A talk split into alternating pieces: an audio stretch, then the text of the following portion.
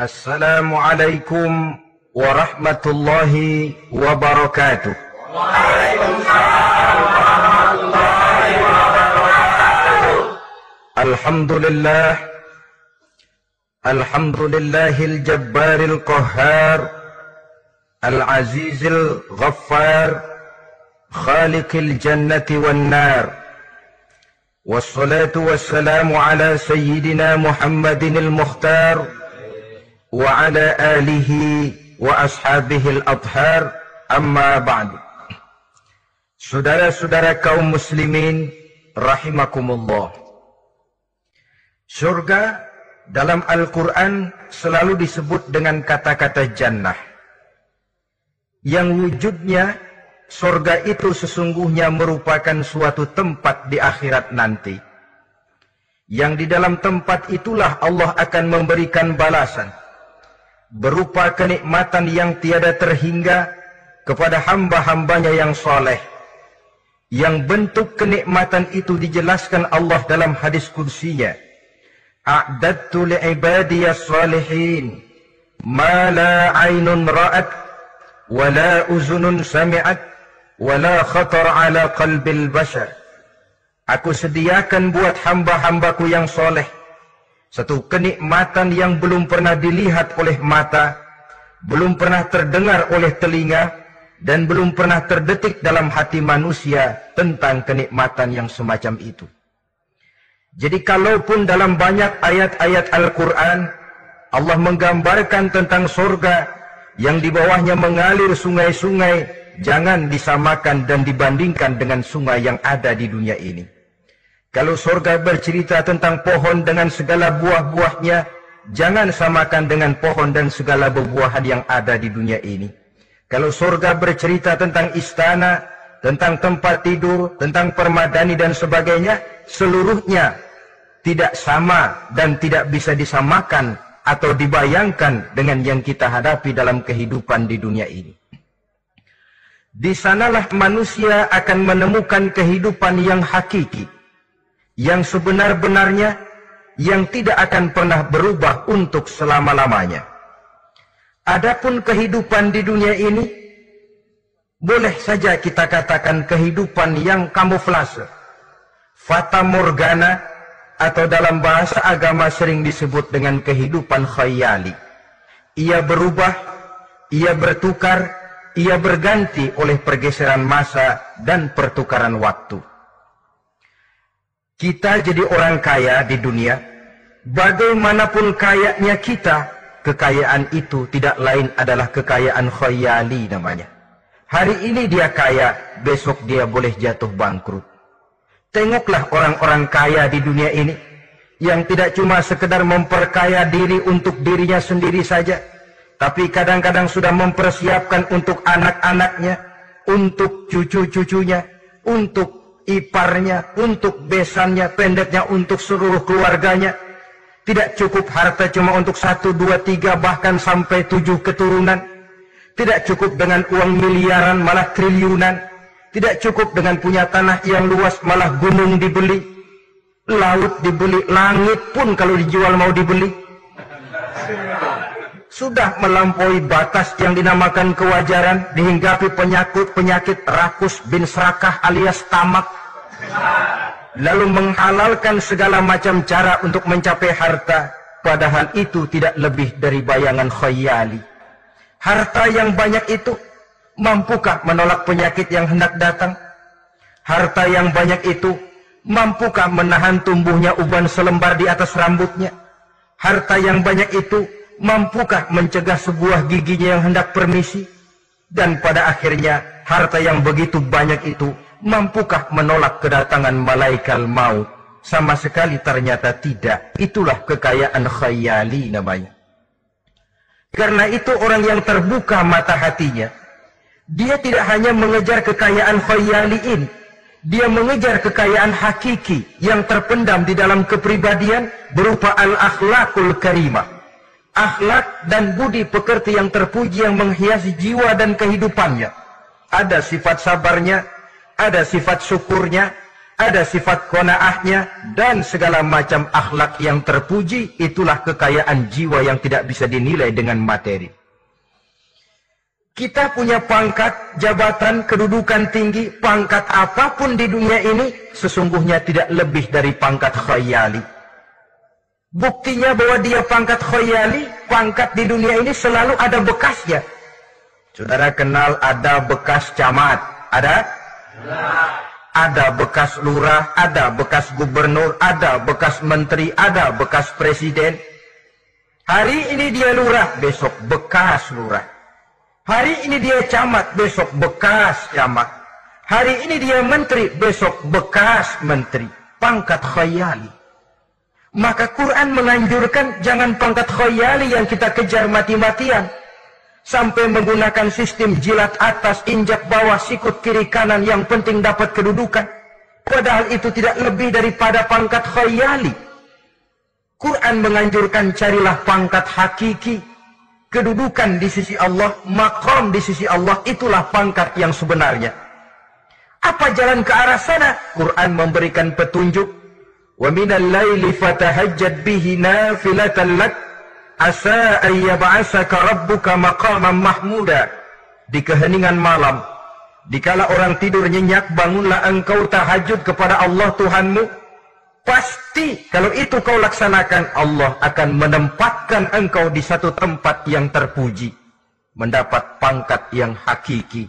Dan bukan sekedar pangkat khayal. Kita berusia muda, muda kita ini pun muda khayali. Berapa lama kita muda? Hari berubah jadi minggu-minggu bertukar menjadi bulan-bulan pergi datanglah tahun Pergeseran masa dan pertukaran waktu membuat kita jadi berubah. Kulit yang tadinya kencang jadi lentur dan keriput. Segalanya berubah. Oleh karenanya, pada kehidupan di sorga nanti, orang akan menemukan kehidupan yang hakiki. Yang tidak akan pernah berubah untuk selama-lamanya. Nah, kita akan mulai dengan mencerita, menjelaskan bagaimana sebenarnya keadaan sorga itu. Pertama luasnya. Berapa sih luasnya sorga? Dengan logika, sekarang ini dunia dihadapi dengan kekhawatiran terhadap peledakan penduduk yang nyaris tidak terkendali. 5 miliar lebih jumlah manusia yang nongkrong di permukaan bumi.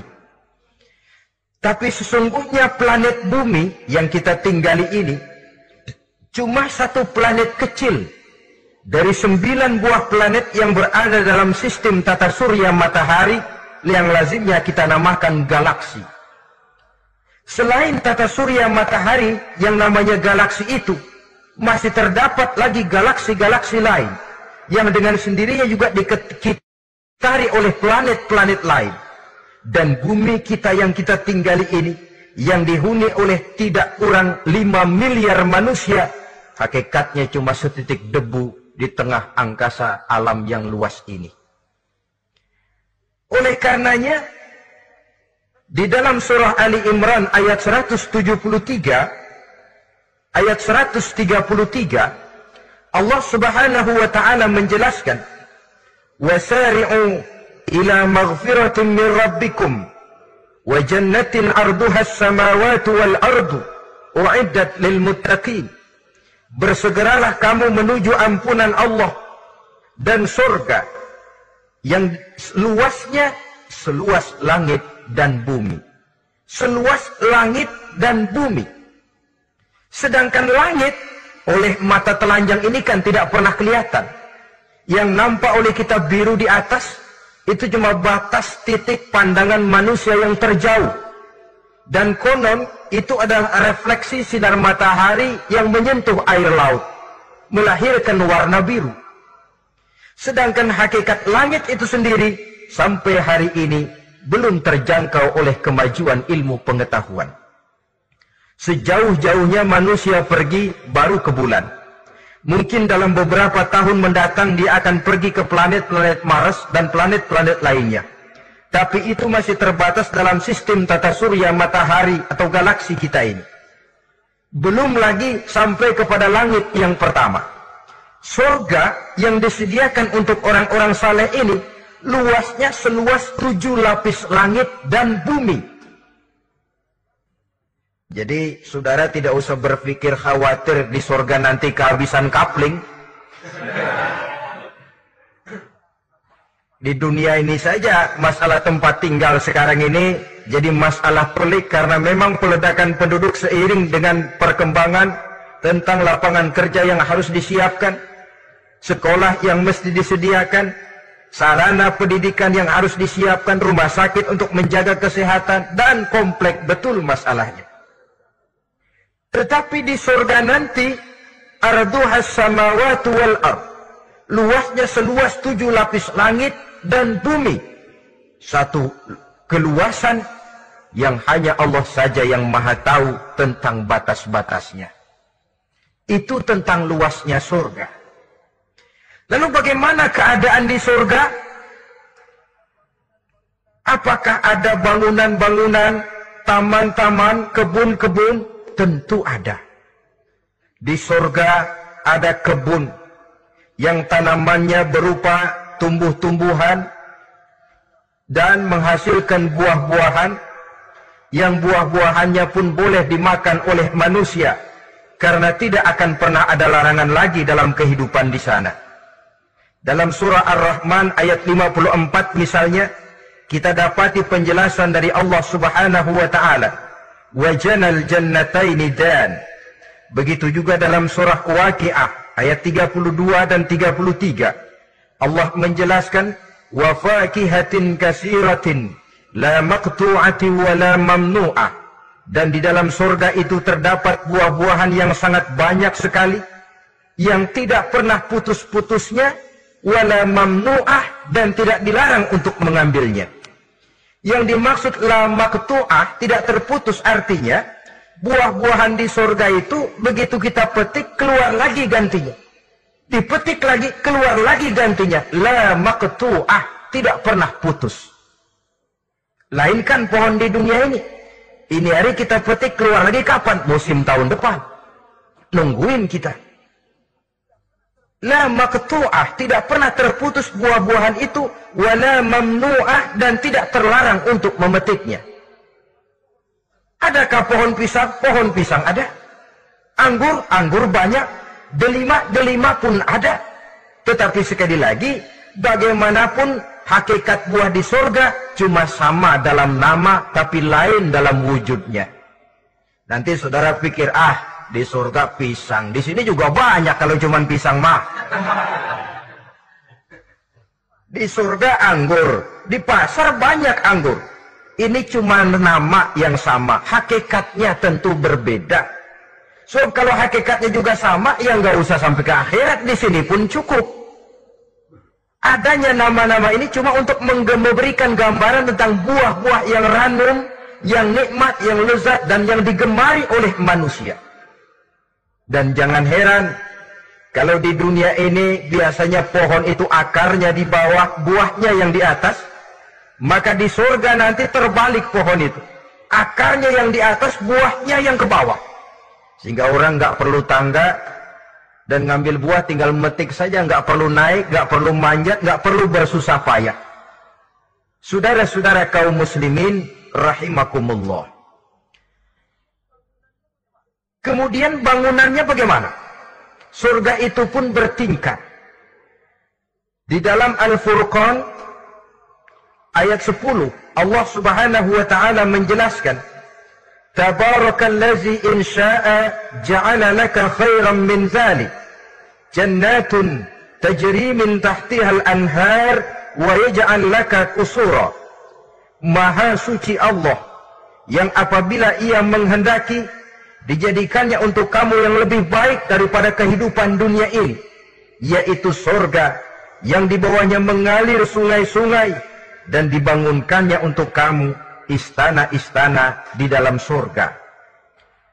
Jadi bangunan di surga pun berbeda sesuai dengan amalan orang yang masuk ke dalamnya.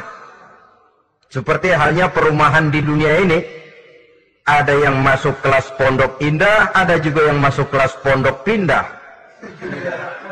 Itu kan tidak sama itu. Ada pondok indah, ada pondok pindah. Sudah pondok pindah lagi. Kenapa bisa berbeda begitu? Ya tergantung kekuatan ekonominya. Makin tinggi nilai kekuatan ekonominya, makin mampu dia mendirikan istana di dunia. Tapi di surga nanti, yang bikin mampu bukan ekonomi. Yang bikin mampu adalah amalan pada waktu hidup di dunia. Makin banyak amalnya, dengan sendirinya makin baguslah istananya di surga. Tetapi, ya tetapi yang namanya surga, dapat empernya juga sudah lumayan betul itu. Seemper-empernya surga masih jauh lebih baik daripada sebagus-bagus istana di dunia ini. Taj Mahal, bangunan yang mengagumkan. Istana Raja Persia, bangunan yang menggiurkan. Sehebat-hebatnya istana dunia, masih jauh lebih mending empernya surga. Ongkonon ya, menurut satu riwayat, baunya surga itu sudah bisa dicium 40 tahun perjalanan. Menurut riwayat lain, 500 tahun perjalanan. Menurut riwayat satu lagi, 70 tahun perjalanan. Baunya surga sudah dapat dicium oleh manusia. Saudara-saudara kaum muslimin rahimakumullah.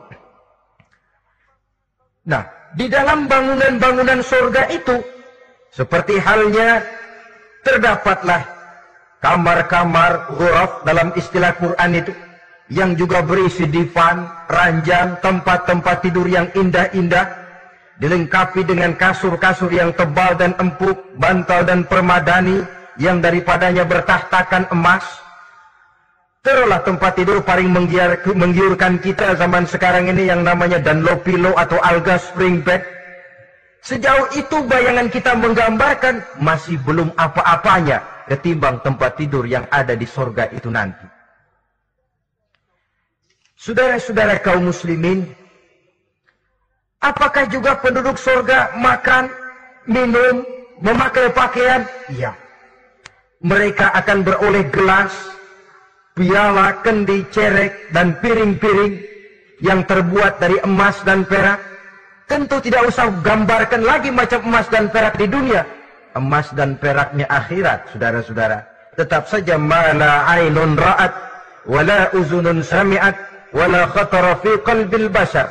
Belum pernah dilihat mata, belum pernah didengar telinga, dan belum pernah terdetik dalam hati manusia tentang wujud yang semacam itu. Apa pakaian mereka? Pakaian penduduk sorga dari sutra yang lembut dan tebal berwarna hijau. Kemudian saudara-saudara, sungai juga mengalir di sana. Mata airnya antara lain berwarna jernih, ada yang air susu, ada yang sungai madu, ada yang khamar atau sungai arak dan penduduk surga boleh meminumnya tidak ada larangan sama sekali. Timbul pikiran konyol kalau di surga orang pada minum arak apa banyak yang teler di surga?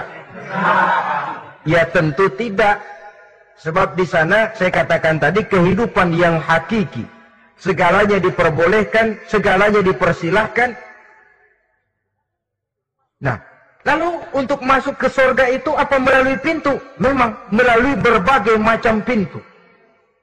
Dan ada pintu-pintu khusus yang tidak boleh dimasuki orang lain. Sayyidina Abu Bakar Siddiq radhiyallahu an pernah bertanya tentang hal itu kepada baginda Nabi. Ya Rasul, apakah di surga ada pintu-pintu khusus? Ada Abu Bakar. Ada di dalam surga itu pintu yang namanya Rayyan tidak boleh masuk ke pintu itu melainkan orang-orang yang puasa. Orang-orang yang rajin puasa, mereka akan masuk ke surga melalui satu pintu yang dinamakan Babur Rayyan atau pintu Rayyan.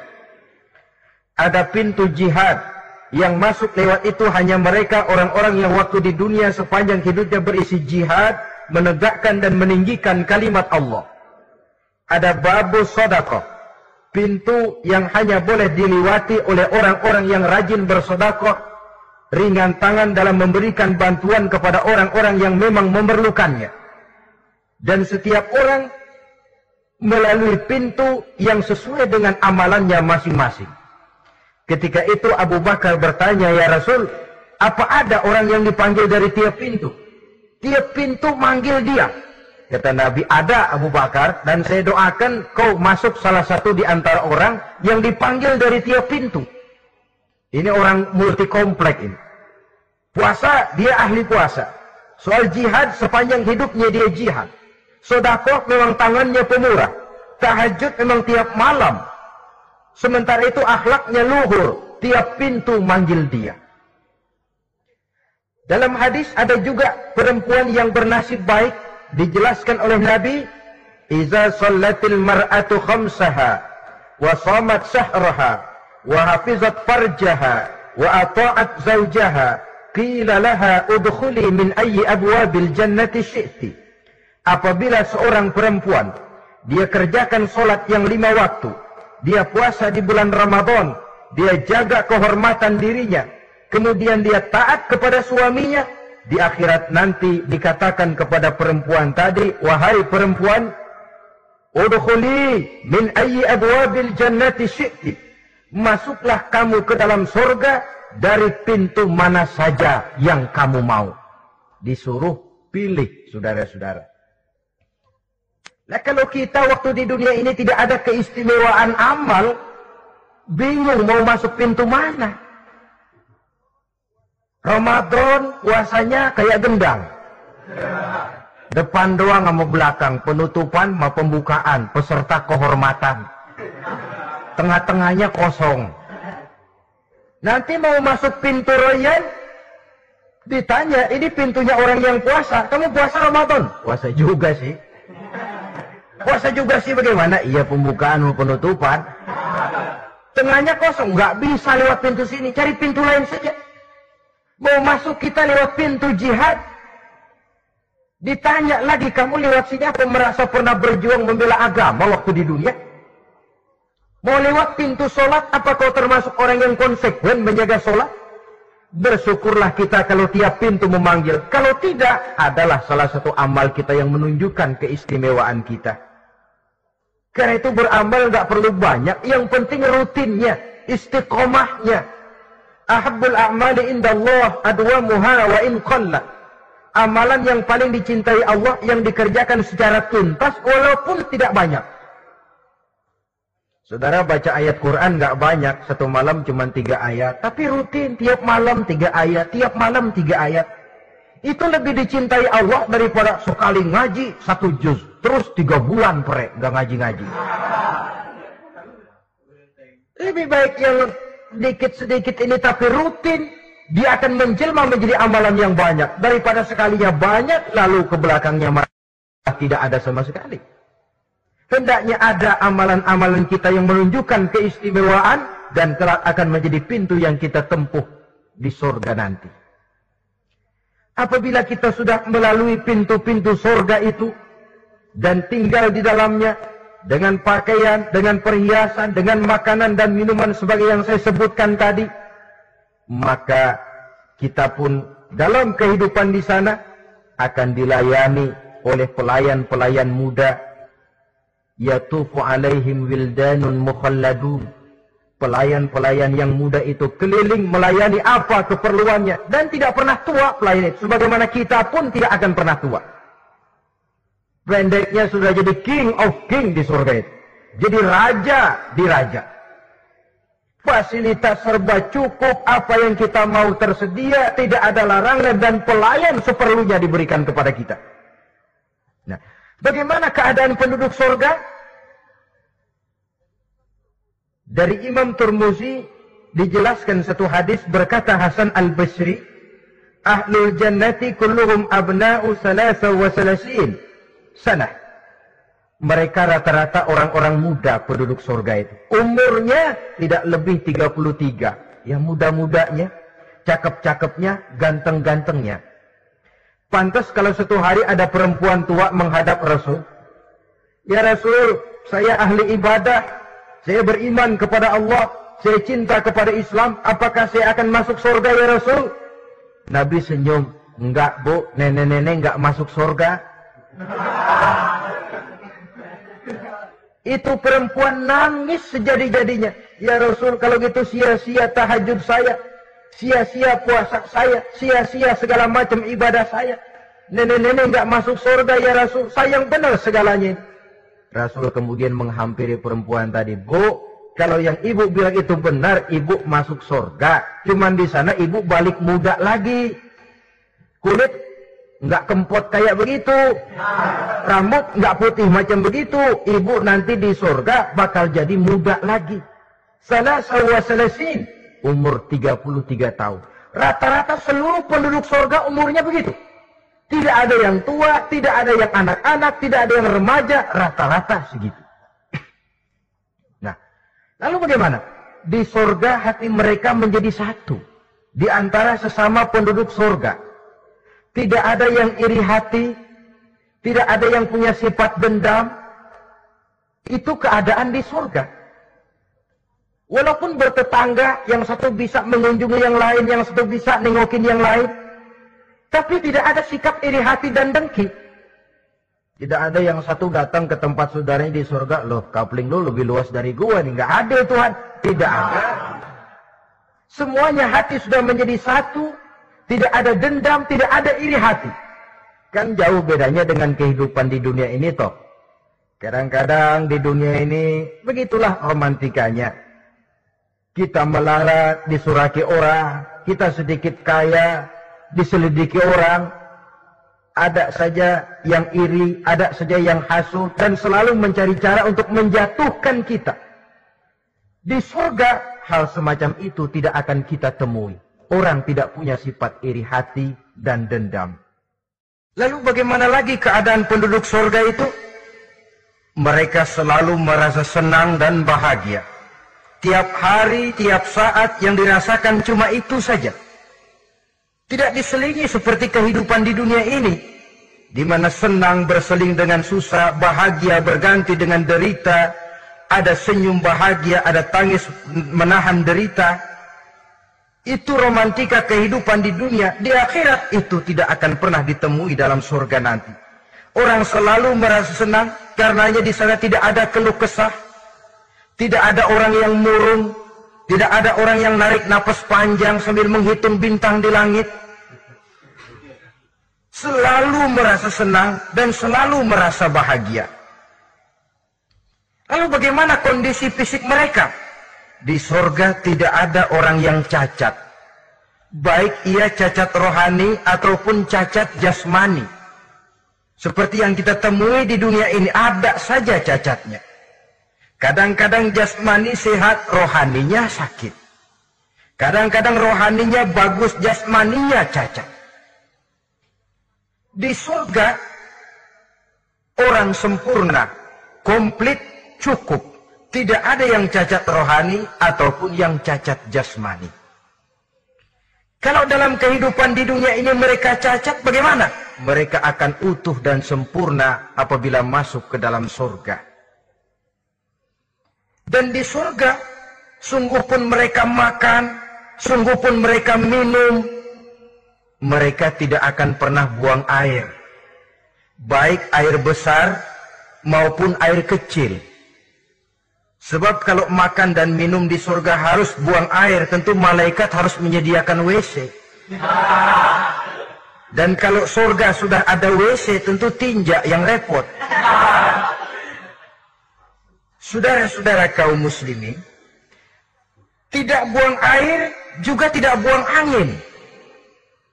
Dan tidak sakit, tidak terkena penyakit. Penyakit apa pun namanya, sudah di surga itu daerah bebas penyakit. Jadi barangkali kalau keluar ke halaman surga nggak pakai baju masuk angin, tidak. Sebab di sana repot nyari duit kerokan. Segalanya sempurna, segalanya cukup. Lalu bagaimana kalau tiap saat mereka makan, tiap saat mereka minum tapi tidak buang air? Konon keringat yang keluar dari mereka, tubuh mereka.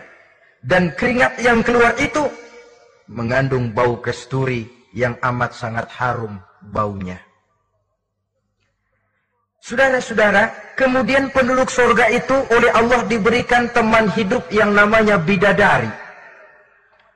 makhluk Allah yang teramat sangat cantiknya yang tidak bisa kita bayangkan macam apa cantiknya.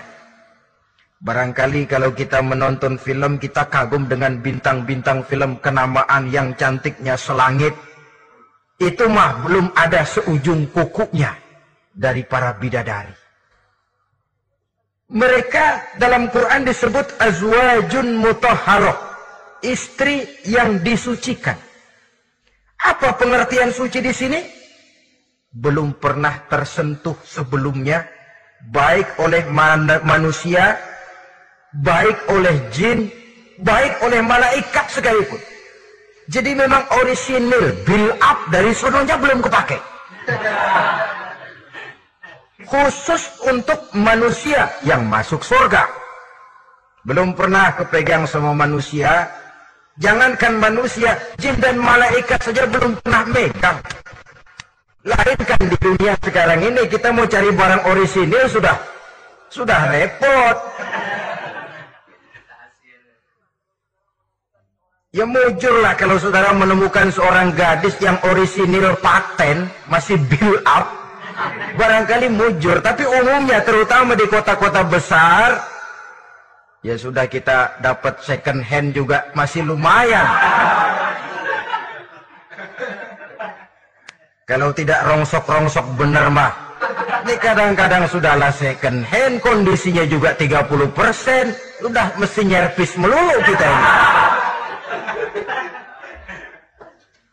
Saudara-saudara, azwajun toharok belum pernah tersentuh oleh siapa pun. Lalu makna tohara ini mereka selalu suci, tidak pernah men, baik menstruasi atau mencret. Tidak pernah.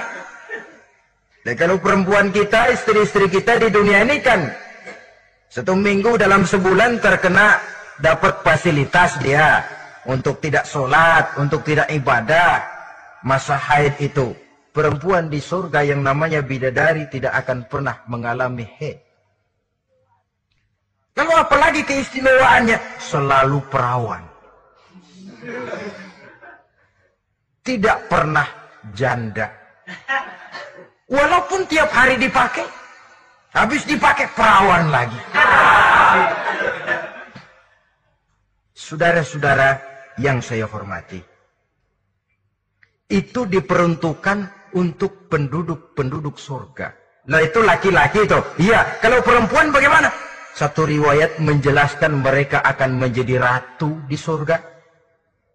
Dengan segala kenikmatan yang juga tidak pernah mereka bayangkan sebelumnya.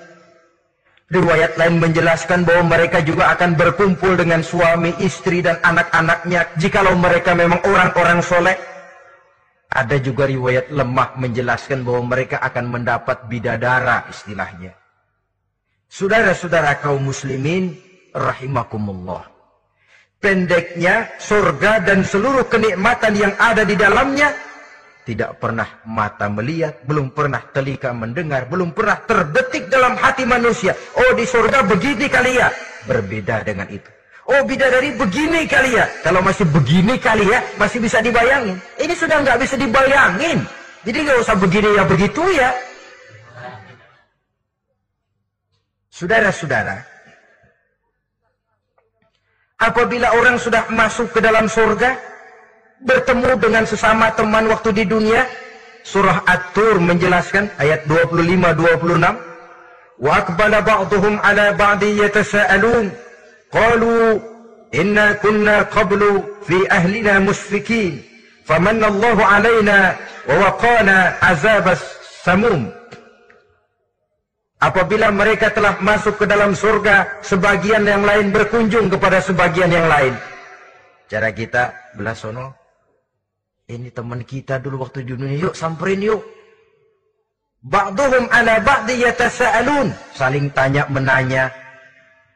Kalau istilah kita, eh sampai juga kemari? Iya. Oh, oh, saya waktu di dunia dulu sebenarnya sudah khawatir. Khawatir, takut mendapat azabnya Allah. Tapi Allah memberikan karunia kepada saya.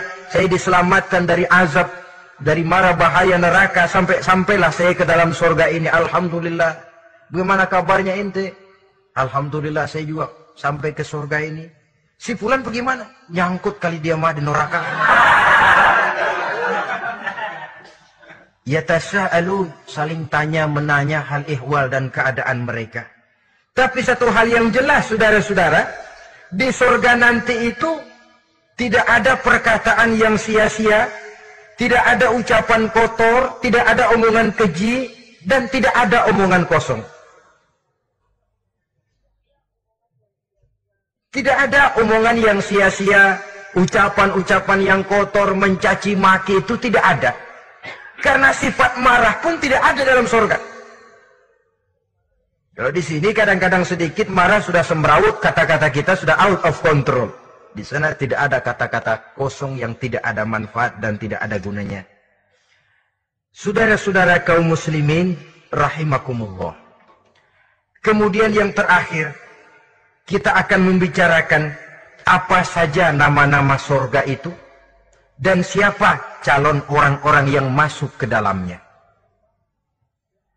Pertama, yang dinamakan Jannatul Firdaus atau surga Firdaus. Surga Firdaus ini oleh Allah Subhanahu wa taala disediakan untuk orang yang dijelaskan dalam surah Al-Mu'minun ayat 1 sampai dengan 11. Qad aflahal mu'minun. Beruntunglah orang-orang yang beriman.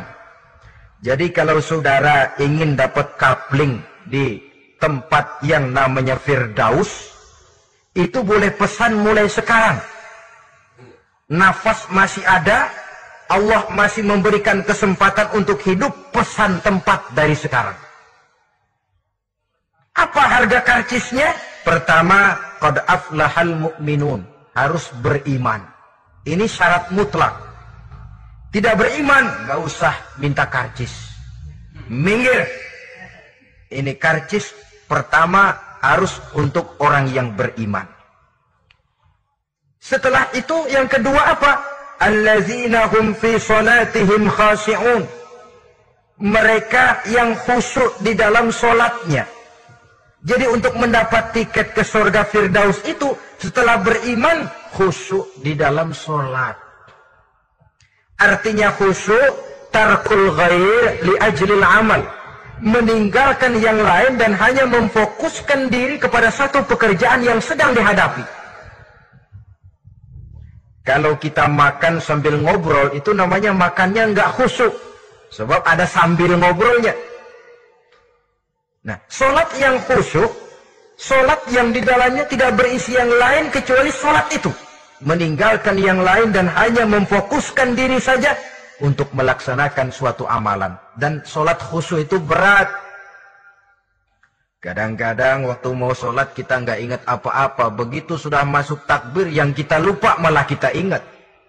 Itu kurang ajarnya iblis. Mau sholat nyari dompet nggak ketemu begitu, begitu takbir. Aduh dompet di atas meja. Ini kalau kalau sembahyang lama-lama digerataki orang nanti nih. Mulai ocar kacir sholat kita. Makanya kata Imam Nawawi, sudah dinamakan khusyuk untuk tingkatan orang awam, kalau pada waktu takbir dia ingat Allah. Segitu aja dulu dah tingkatan orang awam itu. Sebab yang namanya khusyuk itu hudurul qalbi wa sukunul jawarih. Hatinya ikut sholat, anggota badannya tenang tentram di waktu sholat. Khusyuk. Kalau waktu sholat garuk sono, garuk sini, kaki ketekas, ketekus. Terus sudah anggota badannya nggak khusyuk. Atau hat, anggota badannya tenang tentram nggak gerak-gerak. Cuma hatinya ngayap ke mana-mana. Badannya di musola hatinya di pasar. Itu juga nggak khusyuk. Dan itu berat. Karena itu ini syarat kedua untuk mendapat tiket ke Firdaus. Imam Ali saja pernah dites oleh Rasul. Ya Ali saya ya Rasul. Kalau kau bisa sembahyang khusyuk aku boleh kasih kau serban kamu boleh pilih yang hijau apa yang putih nanti. Baik ya Rasul. Bayang beliau dua.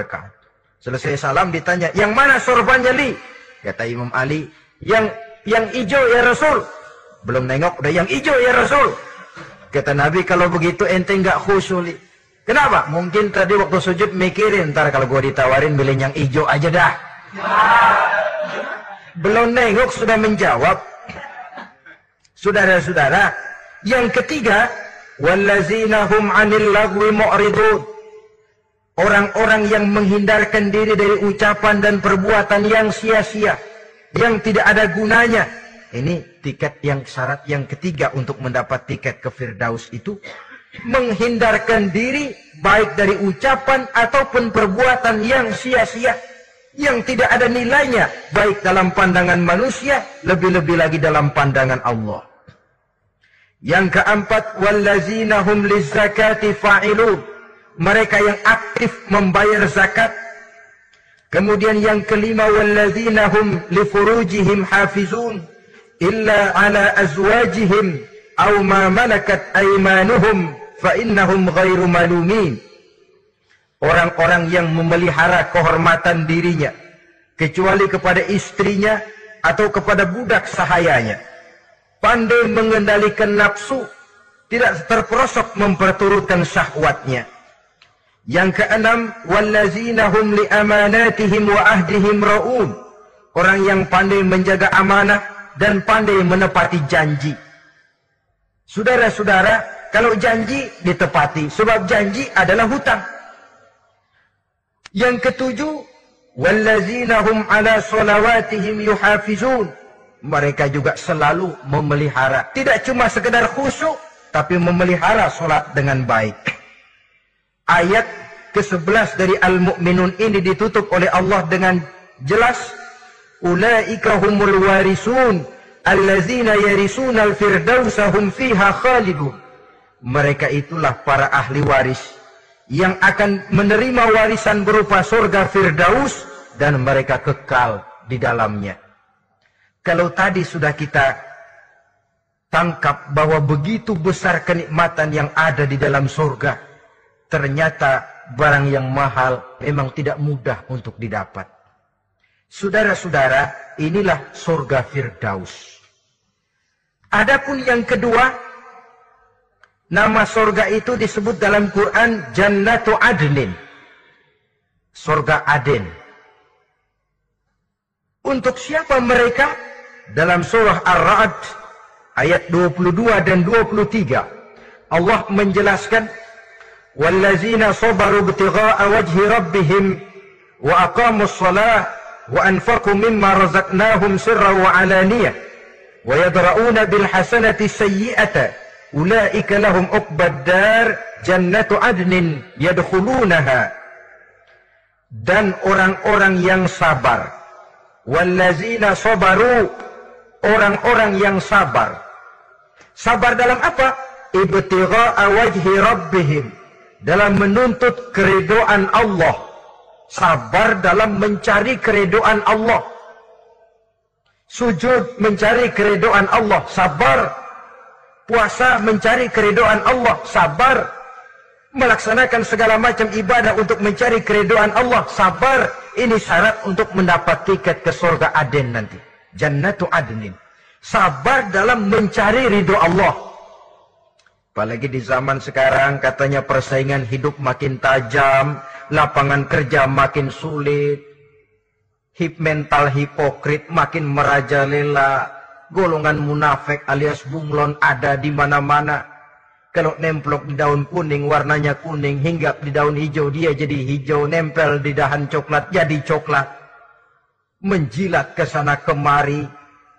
Bukan untuk mendapat ridho Allah kadang, tapi untuk mendapat ridho atasannya, mendapat restu atasannya.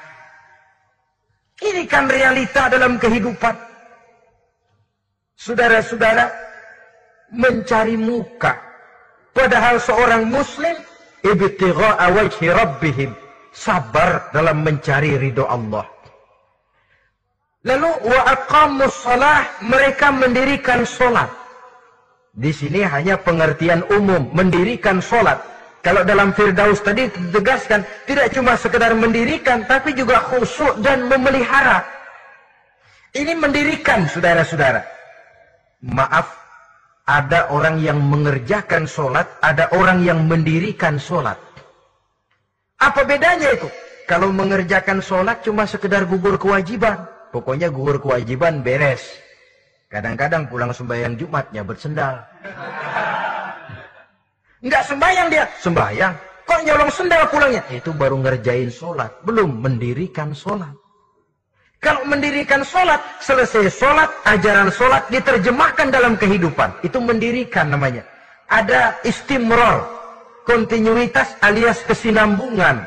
Selesai sholat, akhlak sholat, ajaran sholat diterjemahkan di luar sholat. Itu makna akomus sholat. Apalagi syarat yang ketiga untuk mendapat tiket ke surga Aden ini? Wa anfaqu mimma razaqnahum sirra wa alaniyah menginfakkan, membelanjakan di jalan Allah rezeki yang diberikan kepada mereka baik terang-terangan maupun sembunyi-sembunyi. Maka sedekah itu terang-terangan baik, sembunyi-sembunyi juga baik kalau niatnya ikhlas karena Allah. Terang-terangan baik. Kenapa? Untuk merangsang orang lain supaya berbuat seperti kita. Bukan untuk dipuji, bukan untuk mendapat ria. Saudara-saudara, saya yang miskin nyumbang 100 ribu, saudara berapa yang kaya? Ini boleh untuk merangsang orang lain. Tapi kalau untuk ria, itu tentu dilarang oleh agama. Terang-terangan boleh. Sembunyi juga boleh. Bahkan itu yang dianjurkan oleh Nabi. Tangan kiri tidak tahu apa yang diberikan oleh tangan kanannya. Saudara-saudara, lalu yang keempat, وَيَدْرَؤُونَ بِالْحَسَنَةِ سَيِّئَةً Mereka menolak kejahatan dengan kebaikan. Dia hanya tidak berteriak-teriak tentang kemiskinan. Tapi melakukan usaha bagaimana mengatasi kemiskinan. Dia tidak hanya berteriak dengan mengemukakan berbagai macam kemunkaran. Tapi mengimbanginya dengan menanamkan segala macam kebajikan. Seperti sekarang ini tuh. Air saja kalau cuma dibendung tapi tidak disalurkan kan ngebludak jebol bendungan. Kita cuma teriak anak-anak muda dihantam oleh kebudayaan barat yang merusak moral. Tapi mana kebudayaan Islam kita? Gak pernah kita timbulkan. Musuh kita adalah kemiskinan dan kebodohan jelas. Tapi apa langkah ekonomi yang kita lakukan untuk mengatasi kemiskinan? Dan bagaimana upaya kita meningkatkan mutu pendidikan? Kadang-kadang yang mutunya baik, mahalnya nggak kejangkau oleh lapisan rakyat yang di bawah menengah ke bawah ini. Itu yang jadi problem. Orang yang mendapat tiket ke surga Adan ini, mereka menolak kejahatan dengan mengimbanginya, melakukan kebajikan. Tidak cuma teori, tidak cuma propaganda, tapi ada langkah konkret. Bahwa untuk membentengi kemaksiatan, harus diperbanyak munkar. Untuk mengimbangi segala macam perbuatan durjana, harus dikembangkan majelis taklim pesantren, menghidupkan akhlak Islamiyah dalam kehidupan sehari-hari. Wa yadra'una bil hasanati Orang semacam itulah yang akan mendapat tiket ke surga Aden atau Jannatu Adnin nanti. Dua. Adapun surga yang ketiga dinamakan Jannatun Naim. Surga Naim. Naim mengandung arti penuh kenikmatan. Tiketnya sederhana saja. Al-Qalam ayat 34. Inna lil muttaqina inda rabbihim jannatu na'im. Sesungguhnya bagi orang-orang yang bertakwa kepada Allah, mereka akan mendapat balasan berupa jannatun na'im. Surga na'im namanya. Jadi tidak banyak untuk mendapatkan surga na'im ini, cuma takwa. Cuma takwa yang jadi banyak. Apa itu takwa? Sekarang ini kan takwa jadi lalap. Dan orang sering menggunakan istilah agama di zaman sekarang ini untuk maksud yang tidak sama dengan maksud agama. Padahal takwa ini jelas sebelum Islam datang ke Indonesia, kita orang Indonesia tidak kenal kata-kata takwa. Maka kalau harus menggunakan kata takwa, pengertiannya harus dikembalikan kepada pengertian Islam. Ini sih enggak. Orang yang mana aja kalau dilantik bertakwa kepada Tuhan yang Maha Esa, bertakwa, bertakwa sampai membleh ke bibir bertakwa. Tapi kalau sudah megang jabatan kadang-kadang takwa ngalor dia ngidul. Tidak relevan lagi. Lalu apa sih yang namanya takwa itu? Sederhana saja. Imtisalul awamir wajtinabun nawahi. Itulah takwa. Melaksanakan segala yang diperintah, menjauhi yang dilarang. Itu takwa. Menjalankan perintah dengan meninggalkan larangan, apa bedanya? Kalau melaksanakan perintah, boleh sesuai dengan kemampuan. Tapi menjauhi larangan, mutlak Laksanakan perintah Allah sesuai dengan kemampuanmu. Tapi tinggalkan larangan Allah mutlak. Mampu tidak mampu, tinggalkan. Enak kalau ada perintah, jauhi larangan Allah semampu kamu. Ya enak tinggal kita milih. Ah, saya belum mampu ninggal teler itu. Lezat itu belum mampu. Yang boleh semampu kita melaksanakan perintah. Sholat, semampu kita. Asal jangan mampu lalu pura-pura tidak mampu. Puasa semampu kita. Jihad semampu kita. Tapi kalau sudah meninggalkan larangan mutlak. Mampu tidak mampu harus ditinggalkan. Jadi kelihatannya sederhana takwa ini. Tapi masalahnya rumit. Melaksanakan yang diperintah. Menjauhi yang dilarang. Dan itu tiket untuk mendapatkan surga naim atau jannatun naim. Yang keempat, saudara-saudara, di antara nama sorga itu ada yang disebut sorga ma'wa atau jannatul ma'wa. Apa tiket untuk sampai ke sana? Surah An-Nazi'at ayat 40 dan 41. Wa amma man khafa maqama rabbih wa nahan nafsa 'anil hawa fa innal jannata hiyal ma'wa. Sesungguhnya orang-orang yang takut kepada larangan Tuhannya. Wanahan nafsa anil hawa. Dan sanggup mengendalikan nafsu. Sanggup mengendalikan diri dari memperturutkan hawa nafsu. Fa innal jannata hiyal ma'wa. Surga ma'walah tempat tinggalnya nanti. Jadi tiket ke jannatul ma'wa ini. Pertama, khafa maqama rabbihi. Takut kepada batas-batas yang telah ditentukan oleh Tuhannya. Ini batasnya, kamu jangan nyebrang ke sini. Ini batas yang halal, ini yang haram, ini yang hak, ini yang batil, ini yang ma'ruf, ini yang munkar. Orang yang ingin mendapat tiket ke makwa, dia takut batas-batas itu. Lalu sanggup mengendalikan diri, tidak sampai mempertulkan hawa nafsunya. Itu tiket ke surga makwa. Yang kelima dinamakan surga Darussalam atau Jannah Darussalam. Dijelaskan dalam Al-An'am ayat 126 dan 127.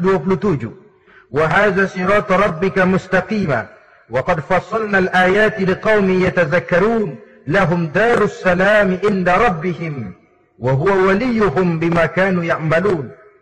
Inilah jalan Tuhanmu yang lurus telah kami pisahkan ayat-ayat kami bagi kaum yang mau berfikir. Jadi kelihatan di sini untuk mendapat tiket ke Darussalam istiqomah mengikuti jalan lurus. Istiqomah berpegang kepada Islam dan pandai membedakan apa yang memang oleh Allah sudah dibedakan antara yang hak dan batil, antara yang benar dan salah dan selalu ingat kepada ayat-ayat Allah. Itu surga Darussalam. Yang keenam dinamakan Darul Muqamah. Siapa yang penghuninya? Surah Fatir ayat 34-35. Wa qalu alhamdulillahi azhaba anna al-hazan. Inna rabbana laghafurun syakur. Allazi ahallana darul muqamah min fadlihi. La yamassuna fiha nasabun. Wa la yamassuna fiha. Yaitu orang-orang yang senantiasa bertahmid memuji kebesaran Allah Subhanahu wa taala, mereka akan mendapatkan darul muqamah. Yang ketujuh dinamakan surga maqamul amin. Ini pun disediakan untuk orang yang bertakwa seperti dalam Ad-Dukhan ayat 51, innal muttaqina fi maqamin amin. Dan yang terakhir yang kedelapan adalah surga khuldi atau jannatul khuldi. Dalam surah Al-Furqan ayat 15 dijelaskan, "Qul adzalika khairun am jannatul khuldi allati wa'ida al-muttaqun kanat lahum jazaan wa masira." Saudara-saudara kaum muslimin rahimakumullah. Oleh terbatasnya waktu, inilah sekelumit tentang sorga dan calon-calon penghuninya. Mudah-mudahan dijadikan kita oleh Allah termasuk salah seorang di antara calon-calon yang kelak akan menjadi penghuni sorga. Mendapat kenikmatan yang kekal dan abadi di dalamnya. Amin. Ya Rabbal Alamin. Terima kasih atas segala perhatian. Mohon maaf atas